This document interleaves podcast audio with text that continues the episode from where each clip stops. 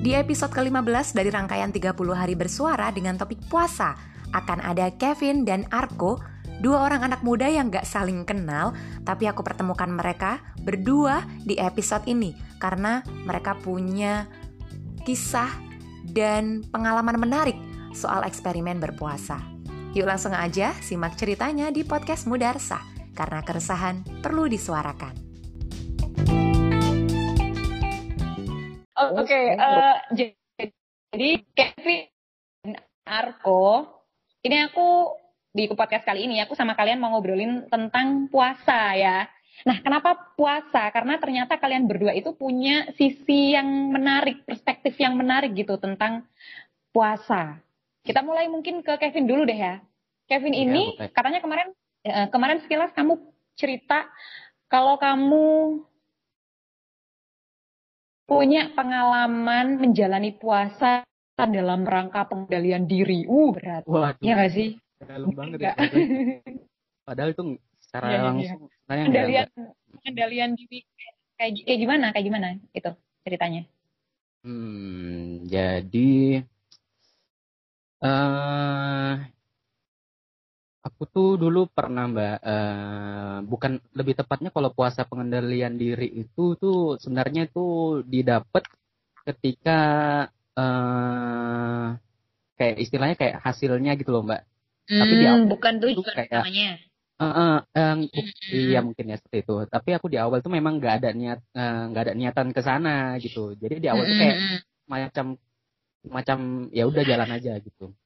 Mm. Tapi uh, kalau ya kalau bisa diceritain tuh dari awal tuh emang aku uh, ada keinginan untuk kayak um, coba hidup sehat gitulah ngeliatin mm, bla bla bla.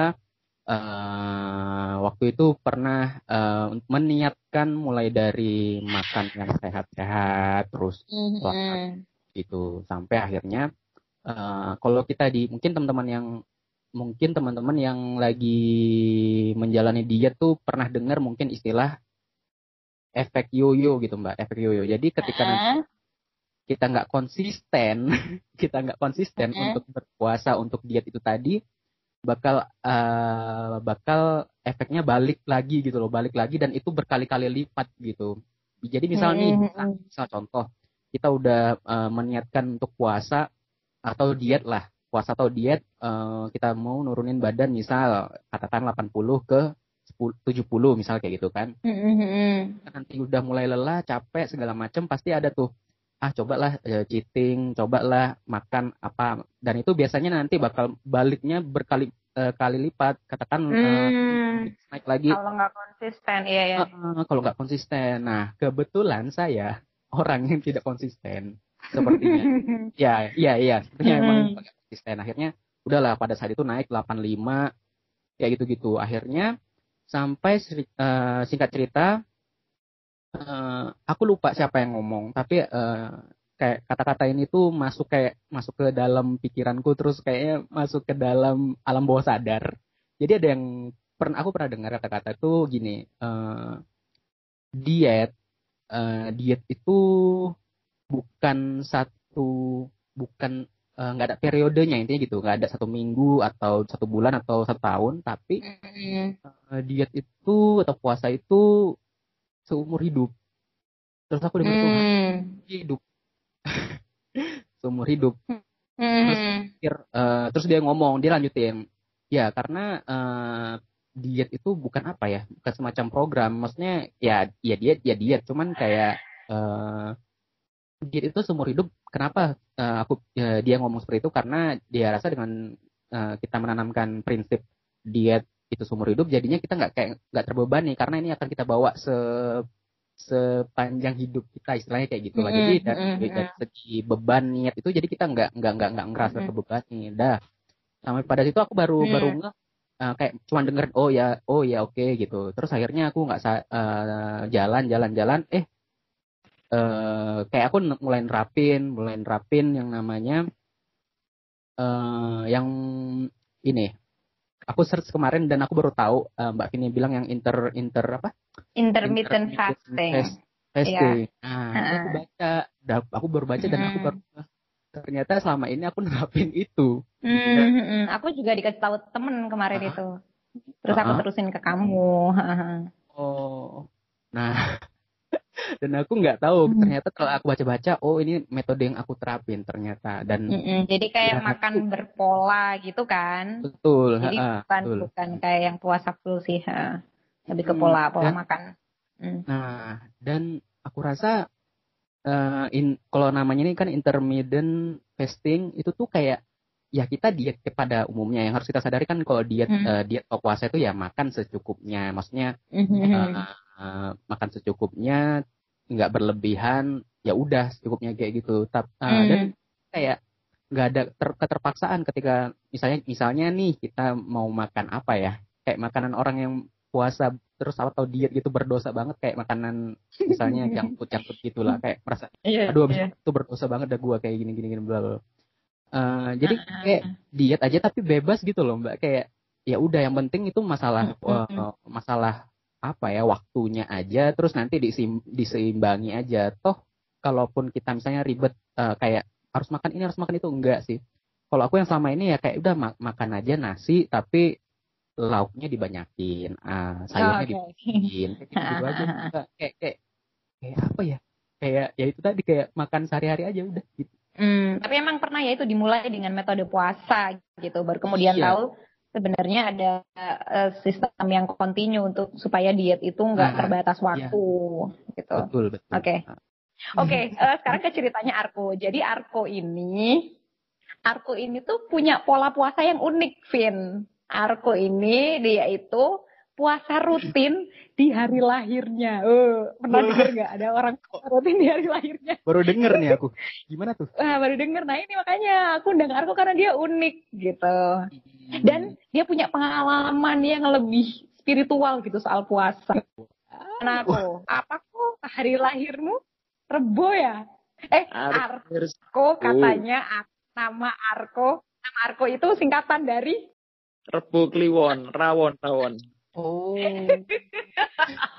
Rebu Kliwon. Jadi Arko itu lahirnya Rebu Kliwon dan Ah. dia puasa setiap hari Rebu tuh bayangin sama Oh. Kamis sih ya. Rabu Kamis.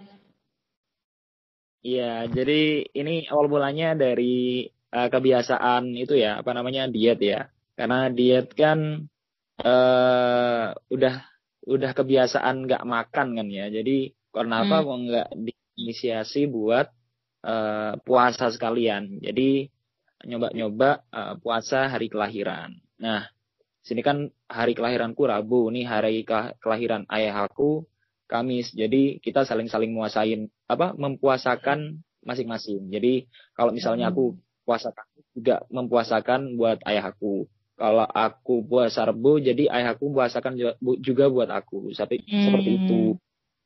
Uh, Nah, keren. Di dijalanin ya kurang lebih dapat setahunan lah. Seperti itu. Dan sebenarnya kalau misalnya ber berpatokan kepada dalil atau hadis itu sampai sekarang sih aku belum memper- belum nemuin ya, belum nemuin. Mhm. Jadi karena ya tapi nggak apa-apa menurutku karena ini Mhm. adalah hak nggak apa-apa diterusin gitu. Iya, nggak ada nggak ada jeleknya juga sih kalau menurutku ya puasa diniatin puasa sunnah. Ya. Ya sebenarnya kan hari apa aja, tapi mungkin untuk lebih bersemangat menghargai diri sendiri gitu. Jadi puasanya di hari kelahiran. Secara psikologis mungkin bisa lebih menghargai diri sendiri gitu. Ya nggak sih? Amin. Menurut aku gitu. Ya. Terus Jadi masih Yang masih konsisten sampai sekarang ya. Mm. Hmm, masih konsisten sampai sekarang udah hampir setahunan kalau nggak salah. Jadi setiap hari Rebu, Kemis kalau misalnya ada teman ngajak nongkrong siang mesti aku tolak ya karena Iya. ber- Mm-mm. Jangan ngasih traktiran Arko Rabu Rabu. atau Kamis pasti ditolak mau ditraktir di mana pun dia pasti nolak kalau hari Rabu sama Kamis gitu terus aku juga punya pengalaman yang sangat unik sama puasa. Jadi Mhm. dulu ceritanya waktu mau dapat kerja, pengalaman eh, dapat kerja yang pertama itu di tempat kerja yang pertama, itu aku sebelum dapat kerja itu susah sekali nyari pekerjaan gitu kan. Akhirnya ikhtiar sudah dilakukan terus habis gitu uh, akhirnya nyerah nih nyerah gitu akhirnya ya udah pasrahlah sama Gusti Allah coba puasa gitu akhirnya puasa nadarnya kalau misalnya dapat pekerjaan uh, puasa sampai dapat pekerjaan kebetulan waktu itu puasa satu minggu penuh di luar hmm. Ramadan oke okay. ya. satu minggu penuh di luar Ramadan akhirnya uh, dapat tawaran pekerjaan nih dari teman-teman dari temanku sekolah jadi hmm. beruntung ya alhamdulillah dapat tawaran pekerjaan terus habis itu karena uh, kesibukan untuk pengen kuliah dan kerjanya itu 12 jam. Jadi aku resign dari tempat kerja itu. Terus habis itu nyari kerjaan yang sekiranya bisa 8 jam agar malamnya bisa kuliah gitu ya. Dan hmm. oh uh, sebelumnya uh, nyari-nyari dulu, sebelumnya nyari-nyari dulu nggak ketemu. Terus akhirnya pasrah lagi, puasa lagi. Jadi puasanya sama kayak yang sebelumnya, uh, Nazar eh, nggak akan berhenti puasa kalau sebelum menemukan pekerjaan. Dan itu satu bulan. Satu bulan puasa penuh di luar Ramadan. Dan uh, eh, emang bo boleh ya tapi ya? Puasa sebulan ya. penuh di luar Ramadan itu boleh ya? Aku nah, nggak tahu. itu. Kita nggak tahu. Aku nggak tahu. tapi nggak apa-apa. Ya kayaknya nggak apa-apa. Yang penting tetap tetap buka bukannya nggak buka gitu kan nggak sih uh, ada haknya yang kan atau enggak cuma kan ya namanya juga eh, nazar okay, juga okay. serah sama yang di atas mm-hmm. gimana sih ini gimana sih kok udah lama nyari kerjaan nggak dapat dapat kan gitu mm-hmm. yeah. bayar bulan dapat gaji gitu kan nggak dapat terus bingung kan akhirnya ya mm. cobalah pas atas puasa gitu.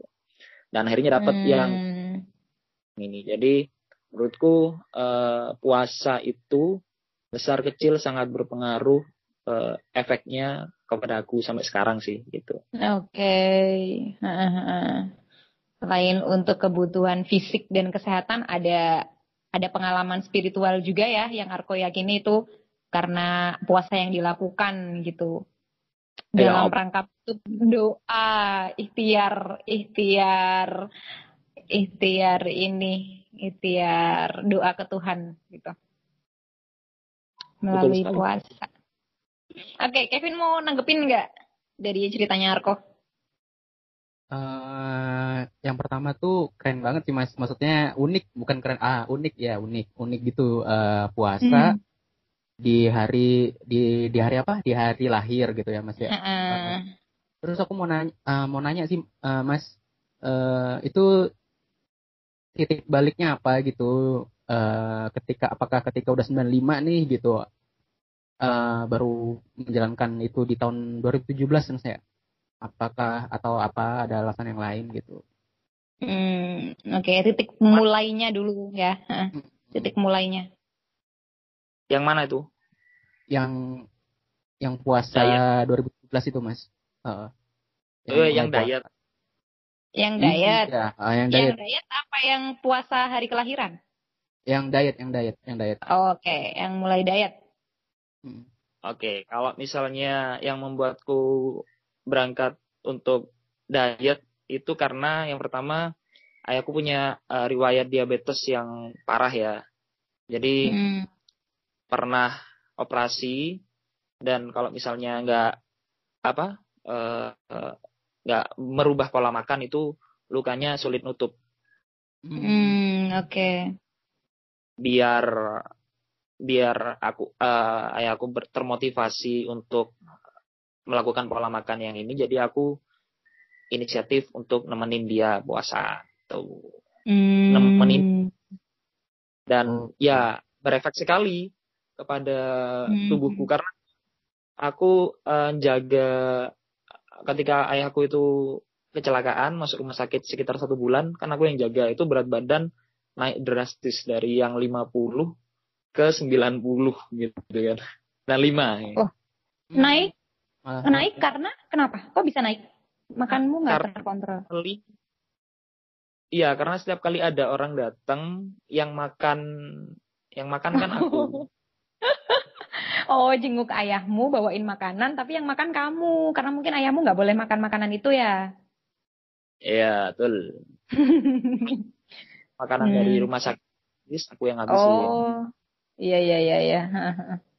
Di rumah Oh. sakit nggak kegiatan yang produktif. Jadi ya Mm-mm. kegiatan kan makan tidur makan. Jadi udah kayak Hmm. orang use gitu. Hmm, jadi selama satu bulan itu kamu naik. Nah, setelah selesai satu bulan perawatan ayah kamu juga selesai, pulang akhirnya eh, berkomitmen bersama untuk mengubah Pola pola hidup yang lebih sehat ya, eh, pola makan gitu sama ayah. iya, jadi aku juga eh, jadi terbuka ya, Kak. soalnya aku sendiri puasa itu ya puasa Ramadan gitu, yang satu bulan. Terus di luar-luar itu aku aku pernah pernah yang rutin puasa Senin Kemis itu pernah tapi terus kemudian berhenti. Terus ya mungkin kalau puasa sunnah yang sering dilakukan itu kalau puasa apa sih Eh Idul Adha itu ya sebelum Idul Adha. Pokoknya yang kayak puasa sunnah yang besar-besar gitu loh. Hmm. puasa sunnah yang besar. Pokoknya yang biasanya puasa sunnah yang banyak dilakuin bareng sama keluarga itu biasanya ikut. Kalau orang tuaku ibuku sih ibuku terutama itu rutin emang Senin Kamis itu puasa. Kalau aku dulu pernah rutin cuman paling kapan sekarang udah nggak lagi. Nah, jadi dari obrolan aku sama Kevin sama Arko ini jadi punya apa ya? Punya perspektif baru tentang pengalaman puasa dari yang Kevin puasa karena diet dan kita sampai ke teori intermittent fasting gitu yang ternyata ada dirisetkan gitu ya polanya dan itu berdampak ke tubuh juga. Terus dari Arko juga yang awalnya diet, kemudian ke motivasi puasa secara rutin dan dipaskan di hari kelahiran, ya itu unik, lucu sih. Unik aja buat aku. Dan ada pengalaman spiritual juga ternyata dari puasa yang dijalankan. Iya, jadi karena tanggal 15 Desember itu bertepatan dengan hari jadi Yan loh, enggak hari jadi Lumajang kotaku dan kotanya Arko ke 765. Sebenarnya Arko mau ngucapin sesuatu buat Lumajang. Iya, jadi aku mau kirim-kirim salam ya buat Lumajang yang ke lima ini usianya. Eh, harapannya moga di usia yang sudah cukup bersejarah ini uh, bisa semakin maju, semakin Hmm. baiknya, warganya semakin makmur dan Oke. tentunya uh, bisa nambah inovasi-inovasi. Waduh, banyak harapan nih buat Kabupaten Lumajang ke depannya. Tentunya harapan yang baik-baik dan uh, untuk harapan secara keseluruhan semoga Lumajang uh, tetap bisa bertahan dan survive ya menghadapi pandemi COVID-19 gitu. Ini untuk kita semua juga sih gitu. Jadi nggak harus Lumajang juga, tapi kita juga sebagai warganya harus ikut-ikut bareng-bareng uh, melawan atau uh, terus bertarung melawan COVID-19 sampai benar-benar selesai tuntas. Kita berdoa untuk yang baik-baik uh, ke- kepada Kabupaten Lumajang ke depannya. Amin, amin. Semoga bisa terwujud. Amin. Amin. Kevin dari penduduk kota sebelah mau ngucapin apa buat Lumajang? Hmm. Oke, eh, untuk kota Lumajang yang berulang tahun ya Mbak. eh, 700 berapa Mbak? 765. Iya. 765. Selamat untuk kota Lumajang. Eh, semoga makin maju. Aku suka eh, ini pisangnya Lumajang mantap. Uh, mantap Top lagi. Eh, ya, Mantap banget. Gitu. Lega kalau makan pisang Lumajang tuh. eh, terus eh ya eh, semoga Lumajang makin apa ya bersatu terus tetap disiplin menjaga protokol kesehatan karena itu penting. Iya. Eh, eh, ya makin maju Lumajang. Dah, itu aja Mbak. Thank you.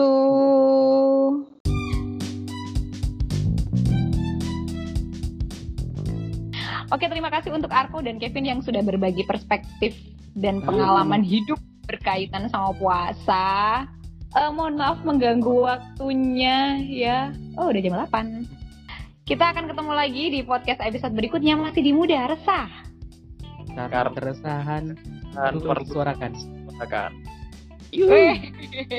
Oke, nggak apa-apa deh. Bye, thank you semua.